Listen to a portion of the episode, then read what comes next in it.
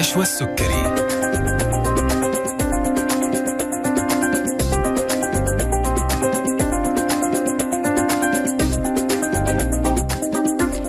بسم الله الرحمن الرحيم. السلام عليكم ورحمة الله تعالى وبركاته. حلقة جديدة من طبابة تأتيكم على الهواء مباشرة عبر أثير إذاعتكم ألف ألف أف أم الموجة السعودية. هذه الحلقة هتكون معايا أنا نشوى السكري وابتداء من الآن وإلى الساعة 2 بعد الظهر وحوار طبي جديد عن إيش؟ عن الأسنان وضيف مميز من ضيوفنا اللي دائما بيكونوا معنا في برنامج طبابة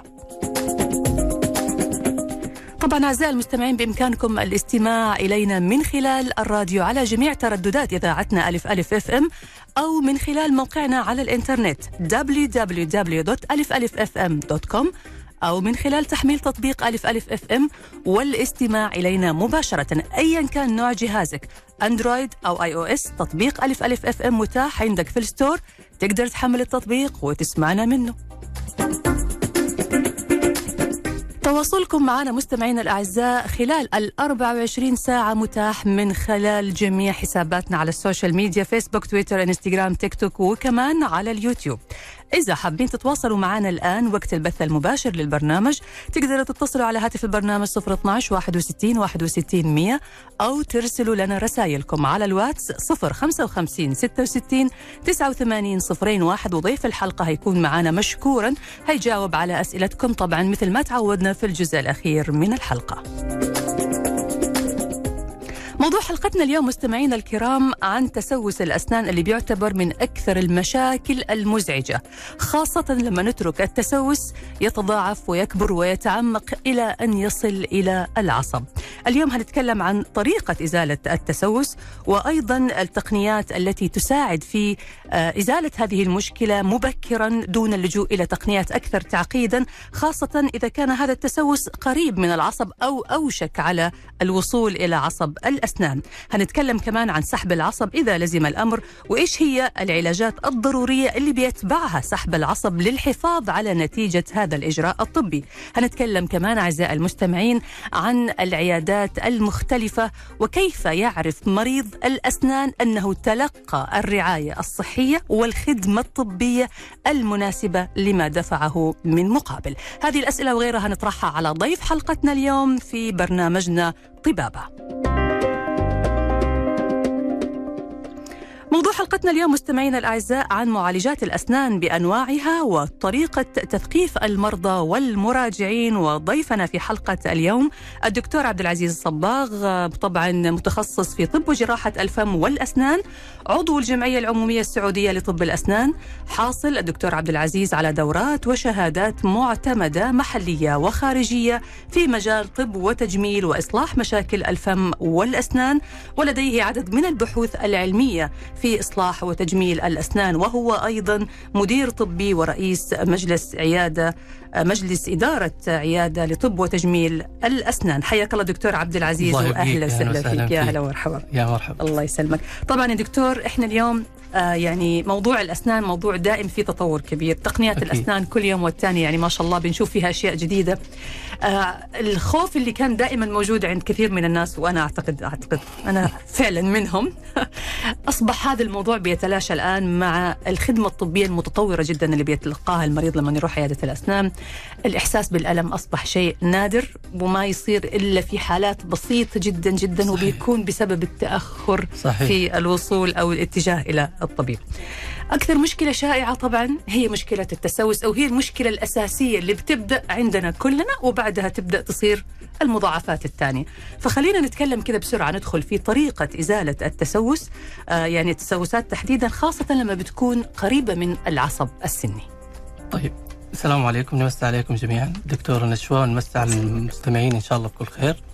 طيب عندنا تقريبا إحنا تسوس الأسنان هذه مشكلة عامة عندنا في المملكة العربية السعودية توصل تقريبا فوق 90% عندنا تسوس أسنان هذه مرحلة خطيرة جدا نسبة كبيرة جدا يعني جدا جدا جدا مم. هذه وصلت المرحلة هذه لأنه ما في تثقيف للمرضى أو ما في تثقيف للمراجعين بشكل دوري أو نعم. بشكل شهري أو بشكل نصف سنوي أو ربع سنوي نعم. وهذا شيء جدا ضروري المفروض إنه يكون المريض أو المراجع حاط في باله إحنا عندنا يعني أول مرحلة لازم يكون كل ستة شهور أي مراجع أي مراجع أو أي مريض أسنان لازم كل ستة شهور تقريبا يراجع دكتور الأسنان نعم غير المدخنين طبعا المدخنين لازم يكون كل ثلاثة إلى أربع شهور ليش يا دكتور المدخنين تحديدا عندهم مشاكل أكثر لأنه المدخنين عندهم مشاكل كثيرة النيكوتين وثاني أكسيد الكربون بيتعامل معاملة آه، يعني تقريبا محارب للمينا لمينا طبقة الأسنان ومحارب. كبير أوكي. يعني بالنسبة للحرب يشنها على اللثة لثة مم. الأسنان مم.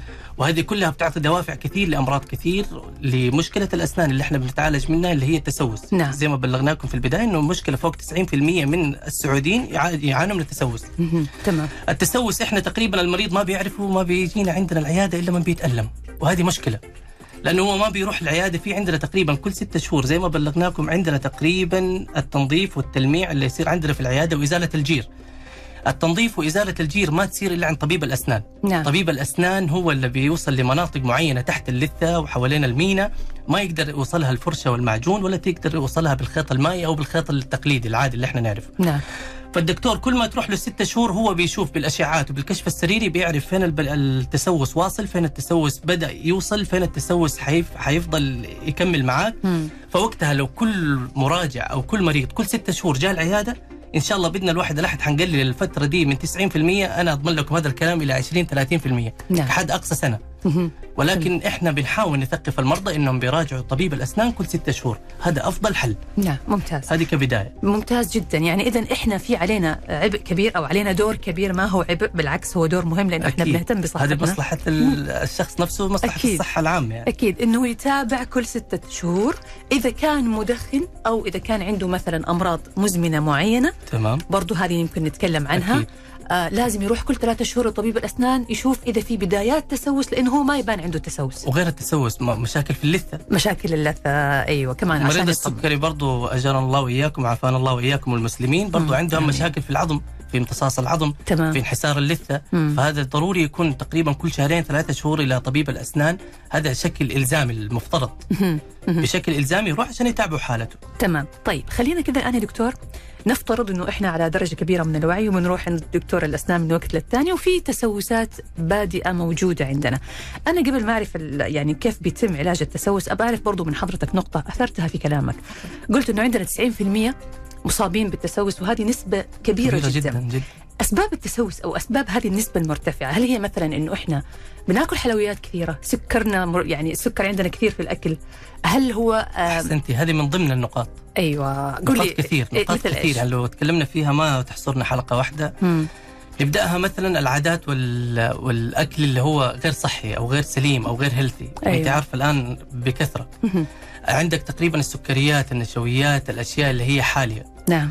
طبعا ب- بمرتبة أولى قبل هذا الكلام كله تنظيف الأسنان الروتيني اليومي. مم. يعني تق... تقريبا عندنا كل يوم لازم يكون فرشة ومعجون مرتين في اليوم. مم. لازم يكون عندنا خيط مائي. لازم يكون عندنا خيط تقليدي بين الأسنان. أنا متأكد متأكد متأكد الناس ما بتتكلم في هذا الكلام كله. كله فرشة ومعجون وممكن مرة واحدة في اليوم وخلاص. قبل النوم. أكيد. هي هذه لا هي المفروض يعني حتى أنا والله دائما مع مرضاي أثقفهم بعد كل وجبة. بعد كل وجبة. والله بعد كل وجبة. مم. لأنه هو الموضوع ما ياخذ مننا ترى على فكرة 120 ثانية كلها دقيقتين بالكثير ثلاث دقائق.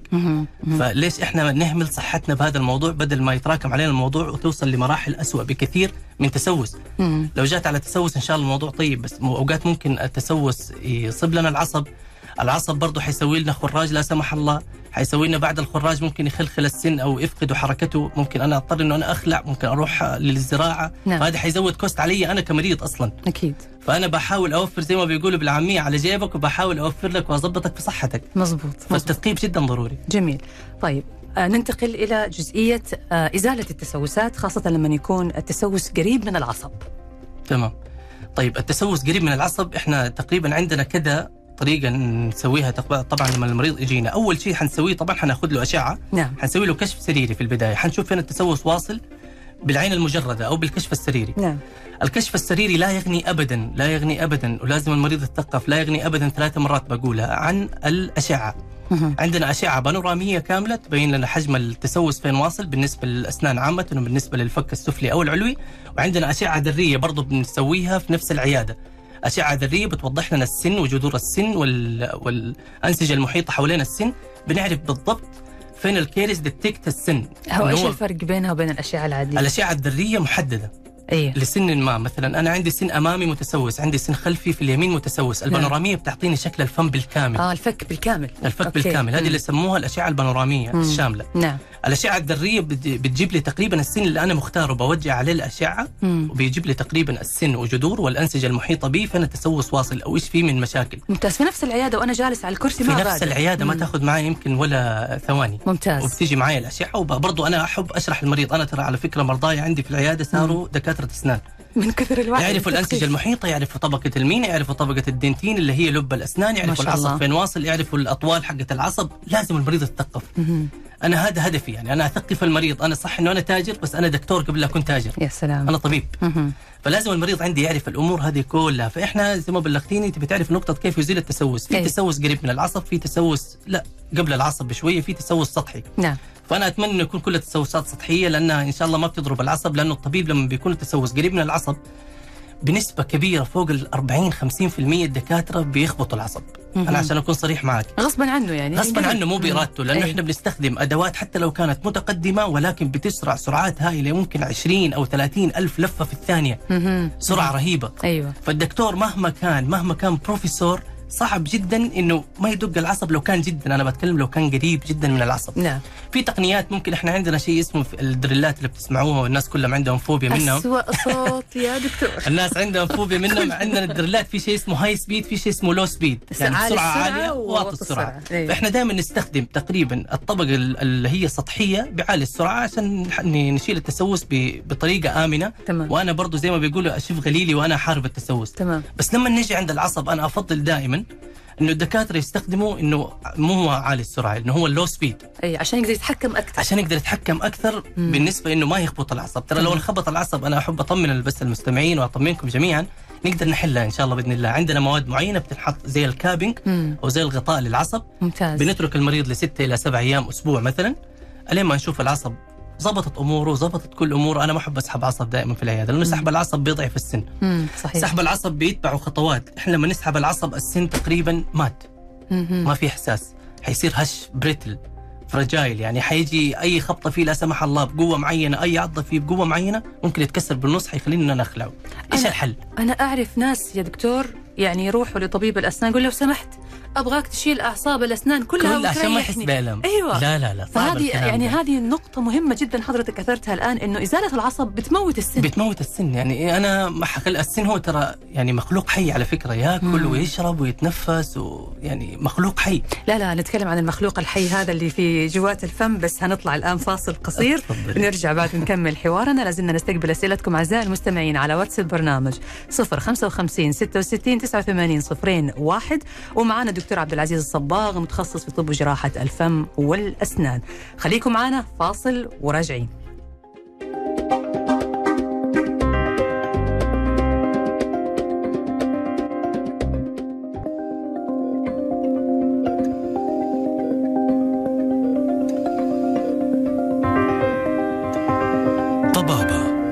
نشوى السكري.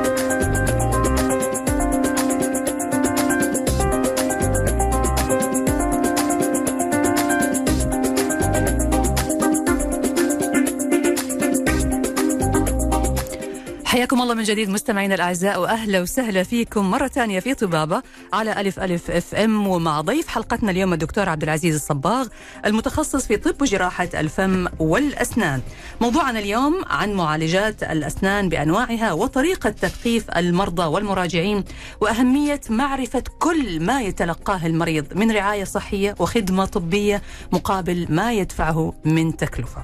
أرحب مرة ثانية بضيفي دكتور عبد العزيز ونواصل حوارنا كنا بنتكلم دكتور عن الأسنان وطبعا إنه السن عند سحب العصب بيصبح آه، جزء ميت داخل الفم بلا حياة. أكيد. فقلنا إنه سحب العصب هذا إجراء لازم يكون آخر حل يفكر فيه المريض أو الطبيب حتى. إذا ما كان فيه إلا هو كحل متاح فخلاص. لكن ما يتم سحب العصب كذا لمجرد إنه أنا أبغى أرتاح. أكيد أكيد. هذا شيء صعب زي ما بلغتك. إحنا لما نشيل السن نشيل العصب السن عفوا إحنا كده ظلمنا السن وموتنا السن. نعم. بس هذه ما هي نهاية الحياة لا بالعكس السن يعيش بعد ما ينسحب له عصب ويتعامل معامله السن الطبيعي إن شاء الله بإذن الله إذا اتخذت الإجراءات اللازمة عليه. نعم. اولا إحنا أول ما نشيل سحب العصب حنحشي العصب طبعا بحشوة معينة بمواد معينة طبعا تقوم ب... بمكان العصب. حتعبيه بحشوات دائمة حتكون دائما إن شاء الله بإذن الواحد الأحد لو كانت بالطريقة المثلى. تمام. أنا أعيد وأكرر بالطريقة المثلى هي لها خطوات. نعم. مو أي دكتور يقول لك أنا أسحب عصب وحظبط لك عصبك لا. ممكن يكون حشوة العصب قصيرة ممكن يكون حشوة العصب نحيفة ممكن تكون حشوة العصب مي واصلة كويس لنهاية السن. مم. هذه حتصير مشاكل برضه مستقبلا. مهم. أنا بتكلم على العلاج الأمثل. إنه إحنا نحط حشوة للعصب ممتازة متينة واصلة لنهاية العصب بمواد معينة ممتازة. الماتيريال برضه جدا لازم تكون شيء جدا قوي ويستحمل وممتاز. طيب هذا الشيء المريض ما يعرفه اي هذا هو سؤالي. والله يا دكتور هذا السؤال اللي بسألك إياه. يعني المريض ما يعرف هذه الأشياء كل ما يعرف إيش نوع الحشوة. ما يعرف الحشوة وصلت فعلا ملت المكان بالكامل اللي تم سحب العصب منه ولا لا. أكيد ما يعرف هل أكيد. الحشوة هذه دائمة ولا في مشاكل. ما يعرف حتى إذا أثناء عملية الحشو والعصب هذا هل صار لا قدر الله مثلا إنه المريض ما لبس ال- عفوا الطبيب ما لبس المريض؟ المطاط. المطاط هذا الحاجز المطاط. أيوه هذا صار شيء إلزامي ولا إلزامي. لا زال في أطباء بيشتغلوا أكيد. بدونه؟ يعني هذه الأشياء كلها المريض ما يعرفها. يعني أنا على على أنت اثرتي هذه النقطة ال- العازل المطاطي. امم العازل المطاطي هذا جدا شيء مهم. لو ما استخدمه الطبيب أنا أحاول إنه أبشرهم ولا إنه أنا أزعلهم ما أعرف ولكن نسبة النجاح في علاج العصب ممكن ما تتعدى 30 40% على فكرة. لأنه لعاب ال- الإنسان أكيد في بكتيريا في بكتيريا نافعة في بكتيريا ضارة بس أنا ما أبغاها تدخل العصب السن ما أبغاها تدخل القناه العصبية. لو دخلت لي في القناة العصبية حتسوي لي failure أو فشل في علاج العصب. نعم. فالحاجز المطاطي جدا مهم يكاد يكون نسبة اهميته أنا عن نفسي كطبيب 100% نعم. لا يعني يعني, بدونه ما حتى مو تصلح العلاج. 99 100% أوكي ضروري نعزل السن تماما عن اللعاب ونعزله عن البكتيريا ونعزله عن تقريبا حتى المياه حتى المياه اللي بنستخدمها لتطهير السن مم. ما بها تيجي على بقية الأسنان ولا على ولا على القناة اللي هي العصبية يعني المريض لما يروح عند الدكتور وما يحط له العازل المطاطي المريض لازم يوقف يقول له لو سمحت دكتور أيوه أو يقوم من العيادة. أو يقوم. سامحوني يا. أطباء جميعا ولكن هذا هو الصح وإحنا نمشي مع الصح. لا بس هذا فعلا صح يعني حق مريض إنه هو أكيد. إنه ياخذ الخدمة الطبية زي ما قلنا وزي ما ذكرت علاج حضرتك العصب جدا ضروري الحاجز المطاطي. أي النقطة اللي هي العدوى اللي ممكن تصير من أي حاجة من بسيطة. أقل شيء يعني إحنا بنتكلم على مايكرو يعني حتى مو مليمتر حتى بنتكلم على مايكرو أشياء دقيقة جدا حتدخل العصب حتى الدكتور نفسه ما حيعرف إنها دخلت ولا لا بدون الحاجز المطاطي. مهم. فانت خلي نفسك في ال safe side as طبيب وخلي نفسك انت مريض as safe side كلكم اشتغلوا بالحاجز المطاطي فهذا حيريحك أكثر ترى الطبيب حيرتاح أكثر بالحاجز المطاطي. تمام. حيرتاح أكثر بكثير. مهم. هو تقريبا طريقة تركيبه وتثبيته شوية تاخذ معاه وقت. ولكن خذ وقت عادي بس اشتغل تمام؟ تمام. اشتغل بمرض الله اشتغل بضمير. طيب هنا دكتور هنرجع برضه للنقطة الأساسية اللي كنا بنتكلم عنها. كيف يعرف المريض؟ كيف يعرف المريض؟ كيف يعرف من أي ناحية علاج العصب؟ أيوة يعني هو والله بيني وبينك أنا أقول لك شيء ما حيعرف المريض. ما هيعرف إحنا تقريبا كأطباء إحنا عندنا تقريبا ضمير وقاسمين قسم بعد ما تخرجنا من كلياتنا ومن جامعاتنا. إنه إحنا نخاف الله سبحانه وتعالى في مرضانا. نعم. يعني هذا أنا أنا بالنسبة لي هذا يكفي كل واحد يشتغل بضميره وكل واحد يشتغل بقلبه وبروحه يعني مع المريض. بس بشكل مبسط وبشكل عام المريض ما حيعرف. يعني أنا أقدر أضحك على المريض. أنت في النهاية أنت إنسان كويس أنت إنسان صالح أنت إنسان بتفيد مجتمعك أو لا. ولو ما تبي تسوي خدمة كويسة المريض ما حيعرف. المريض متى حيعرف؟ المريض حيعرف لما لا سمح الله تيجي مشاكل فيه بعد شهر شهرين أكيد. ثلاثة شهور أيوة. حيبدأ يقول آه. حيبدأ يحس وحيروح عيادات ثانية وحيقول لا إيش سووا لك؟ هنا لا هنا سحب العصب هنا سيء وسحب العصب هنا قصير وسحب العصب يباله على إعادة علاج عصب. وعلى فكرة العيادات الثانية ما حتكون جمعية خيرية حيسحبوا منه برضه مبلغ على. إعادة علاج العصب وحيكون أصعب من وأغلى إعا- من علاج العصب نفسه. إعادة علاج العصب بياخذ مجهود أكبر من الطبيب مم. فحيكون ال cost تقريبا ال double. على فكرة فإحنا بعد ما حنشيل آه، العصب قلنا إحنا حنحشي العصب أيوة أنا لازم أثقف مرضاي إحنا لما نحشي العصب هذا مو كافي على فكرة مم. في شيء اسمه post أو دعامة إحنا بنسميه عندنا في أطباء post أيوة. اللي هي دعامة السن أيوة تقريبا الكتب دائما بتقول لك لو عندك تقريبا من أنسجة السن من فوق 50% أو 60% لا تركب دعامة ما يحتاج أنا كطبيب أنا عكس الكلام هذا مم. أنا احب اركب دعامة عند مرضاي ليش يا دكتور؟ ليش؟ لأنه السن تقريبا خلاص زي ما بلغتك مات هش فالحشوه الدائمه ما حتكفيني، الدعامة لما أدعم السن نفسه في عصب السن نفسه في القناة العصبية أنا أضمن لك إن شاء الله بإذن الواحد الأحد نجاح. فوق 80% مهم. فوق 90% مم. أضمن لك بعده احضر لك السن بطريقة معينة فوق ال post ممتاز وبعد حشوة العصب وبعده تركيبة وإن شاء الله بإذن الواحد الاحد تدعي لي ما تدعي علي. إن شاء الله يا رب. الله يجزاك خير يا دكتور والله. الله يعطيكم ممتاز. العافيه يعني الدعامة هذه مهمة جدا ك الدعامة جدا مهمة. الدعامة أيوة لأنه هي تحافظ على الضرس بعد سحب العصب. زي ما حضرتك قلت لأنه سحب العصب بيخلي الضرس يكون آه، هش يا ممكن سلام. يتفتت ممكن ينكسر. يا سلام. وفعلا آه، يعني أنا شفت كثير وأنا برضو من ضمن الحالات بعد سحب العصب أحس أنه الضرس يصير ضعيف حتى لونه يا يتغير سلام هذه برضو نقطة مهمة أنت برضو أثرتيها تغيير لون الأسنان. تغيير لون الأسنان ترى فيه له عدة عوامل من ضمن العوامل من ضمن الأسباب إنه يكون العصب ملتهب. مم. ففي ناس ما شاء الله تبارك الله ما شاء الله أنا أقول ما شاء الله تبارك الله على قوة التحمل ولكن مو ما شاء الله تبارك الله على الإهمال. أيوة. ما شاء الله تبارك الله على قوة التحمل ممكن يتحمل إلى أن يتغير لون السن وينتفخ عنده اللثة. يعني هذه مرحلة جدا متقدمة جدا advanced أوكي. إنه أنا أخلي عندي مثلا swelling أو انتفاخ عندي في السن اللي هو متضرر بعدين يجيني العيادة فالسن أكيد حيتغير لونه ليه؟ لأنه العصب تقريبا التسوس سواله block ما بيخلي تدفق الدم بيوصل للعصب فالسن مم. بيتعفن أوف. بيتعفن بيتغير لونه ممكن للبني للبني الغامق لل dark brown حيصير شكله جدا صعب وهذا حيخليني أنا أتعب كثير عبال ما أنا آخذ process كثير. إنه أنا أعالج السن حنعطي له مضادات حيوية حنعطي له مسكنات لين ما يضبط الانتفاخ بعد الانتفاخ حشيل له العصب بعد العصب زي ما قلنا حشوة العصب بعد حشوة العصب ال post بعد ال post اللي هي التركيب النهائي. سؤالي التالي اللي هنعرف إجابته بعد الفاصل. هل يمكن إعادة إحياء السن مرة ثانية أكيد بعد 100% ما يوصل لهذه المرحلة؟ 100% بعد إرادة الله سبحانه وتعالى. ما في شيء صعب ما في هعرف شيء التفاصيل منك يا دكتور. بعد ما نطلع فاصل قصير نرجع بعد ونكمل حوارنا. ضيف حلقتنا الدكتور عبد العزيز الصباغ متخصص طب وجراحة الفم والأسنان. لازلنا نستقبل أسئلتكم على الواتس 055 66 89 صفرين واحد. أي سؤال أو استشارة. معنا الدكتور عبد العزيز مشكورا هيجاوب على الأسئلة هذه في الجزء الأخير من الحلقة. خليكم معنا فاصل وراجعين.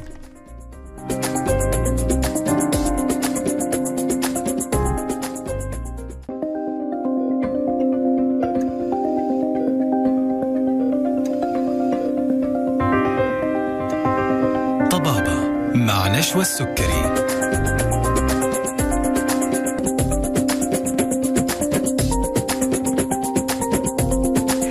حياكم الله من جديد مستمعينا الأعزاء وأهلا وسهلا فيكم مرة ثانية وصلنا لجزء قبل الأخير من حلقتنا اليوم في طبابة ومع ضيفنا الدكتور عبد العزيز الصباغ المتخصص في طب وجراحة الفم والأسنان والمدير الطبي ورئيس مجلس إدارة طبعا عيادة من العيادات الكبيرة لطب وتجميل الأسنان في جدة. آه، طبعا إحنا طولنا في الفاصل لأنه في وقت الفاصل الزملاء معايا في الاستوديو يعني قاعدين يسألوا الدكتور ويستشيرون حقيقة الحوار يعني إحنا بنطلع فاصل بس حوار الحلقة والأسئلة مستمرة حتى أثناء الفاصل. طيب نواصل حوارنا معك يا دكتور والآن نتكلم عن اللثة. الأسنان بدون اللثة هم الاثنين مع بعض حاجة واحدة، أي مشكلة في في اللثة بتأثر على الأسنان والعكس صحيح. أكيد طيب بالنسبة للثة دكتور آه، كيف طريقة علاجات اللثة والحفاظ عليها سواء كانت متصبغه أو ملتهبة؟ طيب إحنا عندنا شقين ملتهبة أو متصبغه وانه يعني ال- المريض بيجينا متألمة لثته كيف بيعرف في نزيف حاد.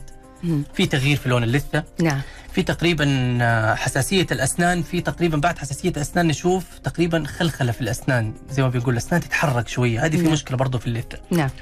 طيب إحنا تبينا نجاوب على الجزء الأول أو الثاني؟ خلينا ناخذ الأول المتصبغة. المتصبغة. التصبغات طبعا تقريبا عندنا أسباب كثير للتصبغات. في الغالب يعني يعود دائما لون ال- اللثة إلى لون البشرة الأصلي. ليه؟ مم. عشان اللثة تحتوي على مادة ميلا ميلاتونين. اللي اللي نعرفها أكيد الميلانين عفوا مم. ميلانين والكيراتين بنسب معينة. نعم. فطبعا التدخين حيكون عنده أهمية كبيرة في زيادة التصبغات في الأسنان. تمام. عندنا تقريبا تغيرات هرمونية. نعم. عندنا اللثة تعرضت لالتهابات وزيادة حساس زيادة حساسية في الأسنان. نعم. عندنا العوامل البيئية. مثلا نسبة الرصاص في الماء هذه في تقريبا قرى نائية عندهم نسبة الرصاص في الماء والفلورايد مرتفع الفلورايد. أها. على فكرة الفلورايد هذا جدا شيء مهم وجدا في معاجين الأسنان. شيء مهم يحمي من التسوس لكن لو كان زي يقول لك كل ما زاد عن حده الشيء ينقلب ضده. صحيح. فلو زاد تقريبا في عندنا قرى نائية بياخذوا من مياه آبار كثير. يا. فتحتوي دائما على ال fluorosis أو الفلورايد بشكل عالي. هذه okay. الاشياء برضو تصبغ نعم. عندنا ال- الأسنان وتصبغ برضو اللثه على فكرة برضو تأثر عليها أمراض هي السكري بس أمراض تأثر عليها كلون ولا تأثر على صحتها؟ لا كلون إحنا. بنتكلم كلون نعم. على ال fluorosis تأثر كلون نعم. هم عندنا مثلا أمراض السكري عافانا الله وإياكم المسلمين عندنا آمين. أمراض الفشل الكلوي برضو عافانا الله وإياكم المسلمين أمراض فقر الدم هذه كلها عوامل بتأثر على التهابات وتصبغات اللثة نعم طيب كيف بنعالج الت- آه، تصبغات اللثة؟ هذا موضوع جدا مهم لأنه في كثير ناس بيعانوا من تصبغات اللثة. عندنا أمور كثير نقدر نعالج بها تصبغات اللثة منها تقريبا اللي هو تبييض اللثة بالليزر أو توريد. اللثة بالليزر. هذا مصطلح بتسمعوه جميعا. اي كثير نسمع كيف بنعمله بنعمله بالليزر تقريبا بناخذ الخلايا تقريبا بنحاول بالليزر يعني زي ما بيقولوا نعالجها ب بأشعة معينة من الليزر مرة ومرتين وثلاثة بحيث إنها تقريبا بعد يومين أيام ال- ال- الخلايا اللي إحنا موتناها المتصبغة سبحان الله في في اللثة يعني خلايا بتنمو من جديد. يا سلام. فإحنا لما بنقتل القديمة بالليزر بعد يومين ثلاثة أيام فبتنمو الخلايا الجديدة بلون بلون اللثة الطبيعية اللي ربنا سبحانه وتعالى خلقنا بها مم. فهذا الشيء يسموه توريد الأسنان. نعم. الأسنان عفوا. ففي أشياء برضو عندنا تق... كمان شفت ال drill هذا اللي برضو بتاخذوا فوبيا منه. إيه. أوقات برضو بنسويه بتوريد للثة بس هذه كانت تقريبا شيء قديم. okay. هذه تقريبا traditional way لتوريد اللثة هل بتكون مؤلمة يا دكتور؟ أكيد مؤلم بس بنحط أكيد بنج بس في البنج ما هي مؤلمة ما أثناء. ما هي مؤلمة أيوه. أثناء فترة العلاج أكيد ما هي مؤلمة إحنا تمام. كل هذه الأشياء اللي أنا بتكلم عليها ترى كلها تحت تأثير بنج وتحت مخدر يعني مم. المريض إن شاء الله بإذن الواحد الأحد ما يحس بألم ابدا ممتاز ممتاز إحنا دائما في عالم الأسنان على فكرة المفروض المريض ما يحس بالام مهم. إلا لو هو أهمل وصل مرحلة لمرحلة أسنانه إنه حيحس بألم. حيكون في خراج لا سمح الله بحيث إنه ما أقدر أسوي لك تخدير التخدير ما حيوصل كويس أيوه أيوة. للاورده اللي عندك أو العصب السن ما نعم. حقدر أسوي له بلوك الخراج يكون مؤثر على العصب. ما حقدر أوصل التخدير نعم. فانت اللي سويت في نفسك كده مو الدكتور. عشان تاخرت في انك عشان تروح أنا تاخرت فالناس بيكرهوا دكاترة الأسنان بيقول لك لا والله حسسني بألم لا أنا عارف إنه في دكاترة برضو أياديهم شوية الله يهديهم ثقيله شوية زي والله دكتور حتى في إبرة البنج أحيانا في دكتور يعطيك الإبرة تحس فيها مؤلمة جدا ودكتور طب أنا ثاني أقول لكم تركه برضو أعطينا تعلموها. تعلموها لما الدكتور يعطيكم إبرة البنج أطلبوا دائما قولوا له ال topical anesthesia هو البنج الموضعي. أيوة. في دكاترة ما يحطوه يقول أيوة. لك أنا ححطه بنج موضعي على الاسنان وحستنى خمسة دقائق وبعدين أعطيك الإبرة وأنا ورايا مراجعين. فلا أيوة. تعبني وتعبك معي حس بالألم شوية واستحمل لا كذا كرهك المريض هذه الأشياء البسيطة اللي حضرتك بتقولها يمكن إحنا ما ننتبه لها ما نعرف إنه هذه. حق من حقوقي أكيد. أو إنه أنا أقدر أطلبها من الدكتور أكيد. بداية من المخدر الموضعي البسيط قبل إبرة البنج المؤلمة في ناس ترى ما كمان تتحملها هي شكلها مرعب صراحة بيني أيوه وبينك تلاقي إبرة داخلة كذا على. الفم أنا عشان كذا غمض عيوني في. لا هذه معقولة لكن لو أعطاكم المخدر الموضعي يعني ما تحس فيها. تماما 100% ما راح تحسوا بوخسة الإبرة صحيح أنا حتحسوا بايادي تتحرك بس ما حتحسوا بوخسة الإبرة وهذا هو التثقيف للمرضى يعني ال- إنه يعرف إيش حقه إيش يطلب البنج الموضعي. جدا ضروري. يعني أنتم كرهتوا الناس فينا والله العظيم. البنج الموضعي جدا ضروري. وما ياخذ ترى مسحة هي مسحة تقريبا مسحة على موضع غزة الإبرة. صح، صح. والله مسحة. صحيح. يعني لو شفتوها إن شاء الله بإذن الله اقرأوا عنها وشوفوها أنا بتكلم سبراي معاكم كمان رش كذا بسيط. يا رشة يا عندنا تقريبا مسحة على موضع أنا أفضل المسحة دائما عشان تلامس اللثه آه على طول. تكون في نفس المكان المحدد. حيحس بوغسه الإبرة وهذا بشكل مبسط جدا ما حنحس بالتخدير تقريبا. تمام. طيب نجي للثه الملتهبة. تمام. آه كيف بيتم علاجها؟ واصلا هي ليش بتلتهب؟ اللثه الملتهبة زي ما قلنا بداية الحلقة معانا قلنا تقريبا كل ستة شهور لازم يكون في تنظيف صحيح؟ مهم. في ناس ما بينظفوا كل ستة شهور يكون في جير تقريبا تحت اللثة. وصل لجذور الأسنان وصل لمناطق المريض ما راح يشوفها ما راح يحس فيها إلا لو اللثة عنده التفخت اللثة عنده التهبت اللثة, إيه. اللثة عنده نزفت. نعم. اللثة عنده صارت فيها حساسية صارت الأسنان تتخلخل بعدين المريض بيجيني. يا جماعة الخير الست شهور للعيادات المراجعة فيها جدا ضرورية. والله العظيم أقسم بالله العظيم بأقسم بالله جدا ضرورية. صادق وهذا الشيء لمصلحة المرضى مو لمصلحة العيادات. إحنا منصات ترى على فكرة التنظيف والتلميع ترى كله ما ياخذوا ماكسيموم 300 400 ريال يا جماعة الخير. إيه. يعني ما هو ذاك ال cost اللي يخليني أنا ما أروح. وممكن في عيادات يعني بدون ذكر أسماء إحنا بناخذ أقل من ال cost هذا بكثير. أيوه. بس عشان إحنا نثقف المريض نبلغه إحنا خطتك العلاجية. أنت عندك تسوس هنا عندك التهاب هنا. عندك ضرس عقل هنا عندك تقريبا تسوسات هنا عندك أشياء تحتاج لها سحب عصب هنا. المريض ما يعرف. المريض ما راح يعرف وما راح يجيك المركز إلا لما يحس بألم. وهذه مصيبة. تمام. طيب كيف بيتم آه، إزالة التصبغات؟ حضرتك قلت بالليزر. هل في وسائل تانية مثلا غير الليزر ولا بس هو الليزر الحاجة الوحيدة؟ الليزر. الآن لا توصلوا له الأسنان أو ال dental field.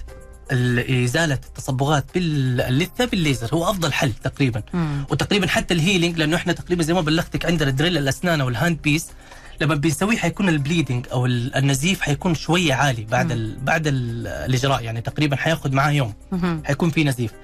إحنا عندنا الليزر ليش مهم؟ أسهل بكثير والألم فيه أريح من ال من ال- العادي ال traditional وبرضه النزيف حيكون فيه بطيء شوية أو النزيف حيكون قليل شوية. ممتاز ممتاز. يعني يعني بيحافظ على صحة اللثة كمان. بالضبط. أيوه ممتاز. حلقتنا مستمرة معك دكتور الوقت صراحة بير يعني بيمر ما, ما, أدري كيف فجأة ألاقي إنه وقت الفاصل دخل علينا. حياكم أيوه. الله يسلمك. بس باقي عندنا طبعا نعرف من حضرتك كيف يتم تبييض الأسنان وفعالية تبييض الأسنان. طبعا في وسائل مختلفة متعددة بأسعار ومستويات مختلفة لتبييض الأسنان. هناخذها كده لمحة سريعة عنها لكن بعد ما نرجع من الفاصل أي سؤال حابين توجهوه للدكتور عبد العزيز صباغ المتخصص في طب وجراحة الفم والأسنان حياكم الله. أرسلوا لنا على واتس البرنامج 055 66 89 صفرين واحد. خليكم معنا فاصل وراجعين.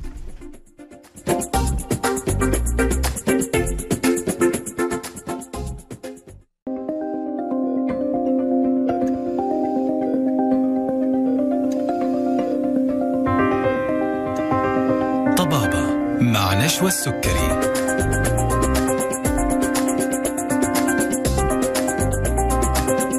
حياكم الله من جديد مستمعينا وأهلا وسهلا فيكم مرة ثانية في طبابه على ألف ألف. وصلنا للجزء الأخير من حلقتنا ولا زال باقي عندنا بعض المحاور هنسألها للدكتور وناخذ برضو أسئلة المستمعين. آه دكتور إحنا قبل الفاصل كنا بنتكلم عن تبييض الأسنان وفعاليته على الأسنان وفي طبعا أنواع ومستويات مختلفة من التبييض. بس بذكر المستمعين إنه تقدروا ترسلوا لنا ويا ريت الآن لأنه الوقت الباقي وقت مرة بسيط. لو حابين تس- تسألوا أي سؤال للدكتور آه، عبد العزيز الصباغ متخصص في طب وجراحه الفم والأسنان أرسلوا لنا على الواتس 055 66 89 صفرين واحد. فدكتور نرجع للتبييض بنقول إنه مستويات وأنواع. في تبييض منزلي في تبييض في العيادة. أكيد. أيوه طيب التبييض ينقسم من قسمين. تقريبا عندنا تبييض منزلي وتبييض يسموه ال office bleaching. نعم. ال office bleaching اللي هو تبييض العيادة. تقريبا بيختلف بنسبة ال hydrogen peroxide هذه هي المادة المسؤولة عن تبييض الأسنان.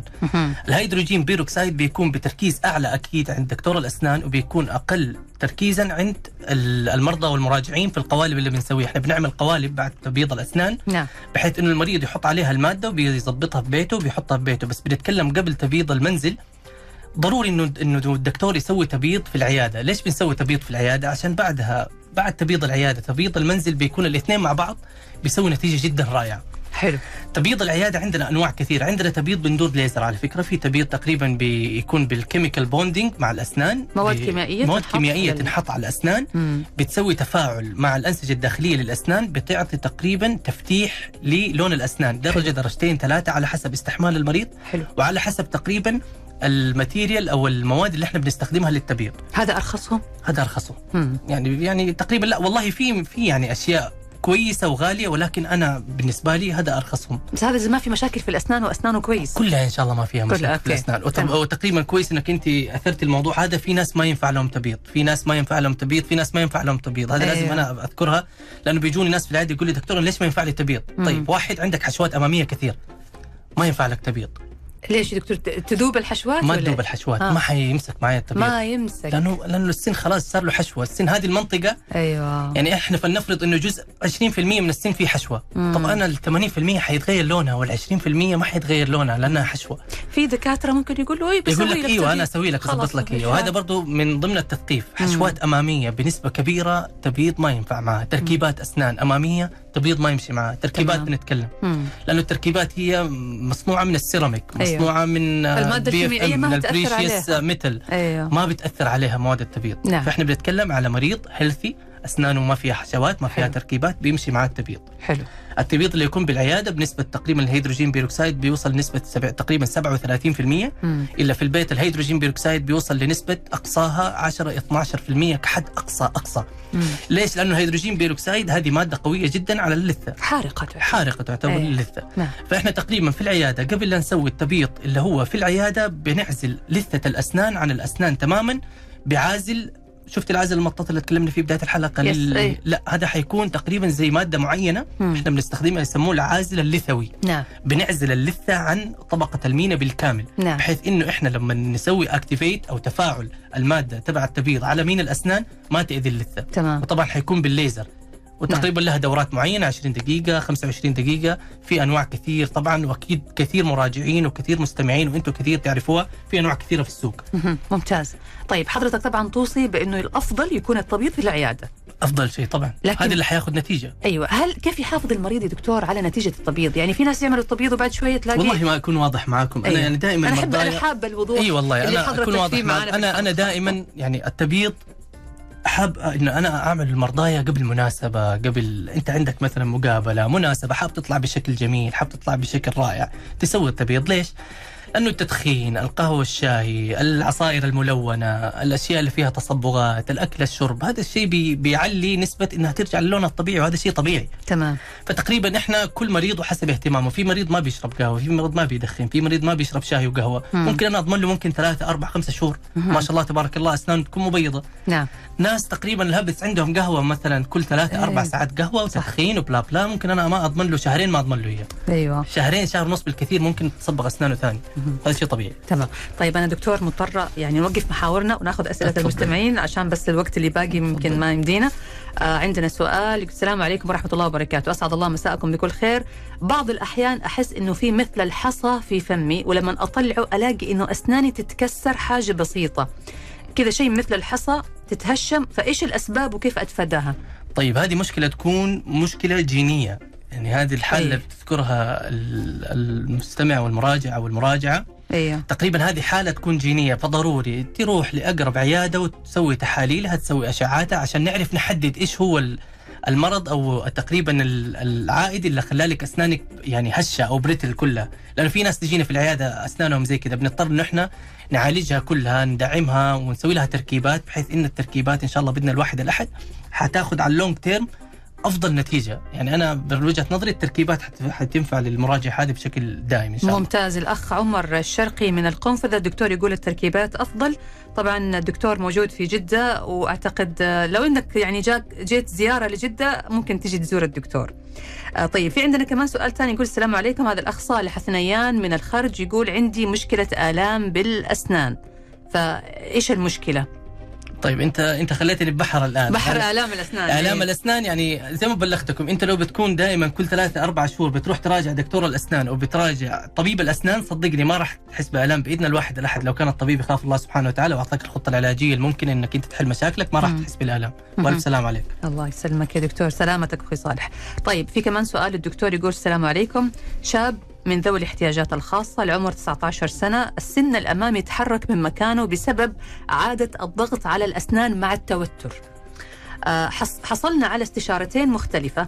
الاستشارة الأولى كانت خلع للسن بالكامل وزراعة سن جديد. الاستشارة الثانية إعادة تثبيت السن مع الجسر. فإحنا محتارين إيش نسوي ورأي الدكتور راح يساعدنا كثير. أنا عن رأيي يختلف تقريبا. خلخلة الأسنان يعني تختلف. إحنا عندنا تحريك الأسنان في عندنا تقريبا 1 ملم 2 ملم 3 ملم أنا ما أقدر أعطيك إيش الأفضل لأنه أنا لازم أشوف الأشعة لازم أشوفك أمامي لازم أشوف الكشف السريري.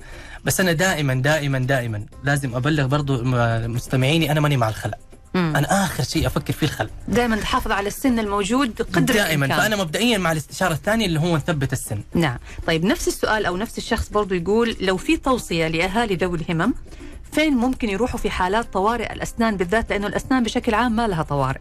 يعني يمكن بيكون أحيانا ذوي الاحتياجات الخاصة ممكن يتعرضوا لحوادث معينة يصير تكسير في السن هل في يعني فين يروحوا أكيد في ذوي الهمم تقريبا عندنا المستشفيات الحكومية الله يعطيها الدولة يعني ما مقصرة في هذا الجانب برضو وعندنا تقريبا كثير مجمعات حكومية ومجمعات برضو خاصة مم. واستشاريين دكاترة بيعرفوا يعرفوا يتعاملوا معهم ذوي الهمم نقدر نتعامل معهم كأي مريض عادي تقريبا إلا تمام. في حالات معينة على حسب كل حالة تمام. الله يشفي الجميع يا رب اللهم آمين وطبعا بالنسبة لطلبكم أخي أو أختي الكريمة هنعرضه على الدكتور بعد الحلقة وإن شاء الله بنتواصل معاكم إذا يعني الدكتور كان عنده الاستعداد. آه، عندنا كمان في سؤال من الأخ حسن يقول السلام عليكم أنا عملت سحب عصب وبعد سنين عملت زراعة لأحد الضروس، الغريب إني أحس ألم في السن المزروع، فإيش ممكن يكون السبب؟ ما فهمت السؤال هي سوت سحب عصب في السن هذا بعدين حسن يقول عمل سحب عصب تمام وبعد سنين عملت زراعة لأحد الضرس، أنا ما أدري هل نفس الضرس اللي سحب العصب أيوه ولا ضرس كذا ما؟ فهمت السؤال أيوة. ولكن لو في زراعة وحس منها ألم ممكن يكون في التهاب يسموه peri-implantitis يعني تقريبا التهاب حوالين الزرعة. أيوه. هذا اللي بيحلها تقريبا أمراض وجراحة اللثة. يكون دكتور متخصص أو استشاري في أمراض وجراحة اللثة وزراعة الأسنان بيحل له الموضوع وإن شاء الله الموضوع بسيط برضه هل يا دكتور هذا الموضوع ممكن يتطلب إنه يعيد الزراعة ولا ممكن, ممكن؟ ممكن ممكن ممكن, ممكن. بس لازم إن شاء الله ما يوصل للمرحلة هذه ولكن ممكن يتطلب إعادة الزراعة أكيد الزراعة فشلت ممكن. تمام. طيب آخر سؤال هناخذه اليوم علشان نقفل الحلقة. السلام عليكم. عندي في بعض الأسنان تسوس سطحي. ما هو العلاج المناسب؟ وأيضا في بعض الأسنان حشوات متى يجب تغييرها؟ كم المدة الزمنية لتغيير الحشوة؟ هذا جدا شيء مهم وسؤال جدا جميل. مم. ما أخذناه في الحشوات تقريبا تأخذ من 10 ل 15 سنة لو البني آدم جدا محافظ. نعم. وأنا يعني أنصح بعد ال 15 سنة وإحنا بعمر طويل إن شاء الله بإذن الله جميعا نغيرها.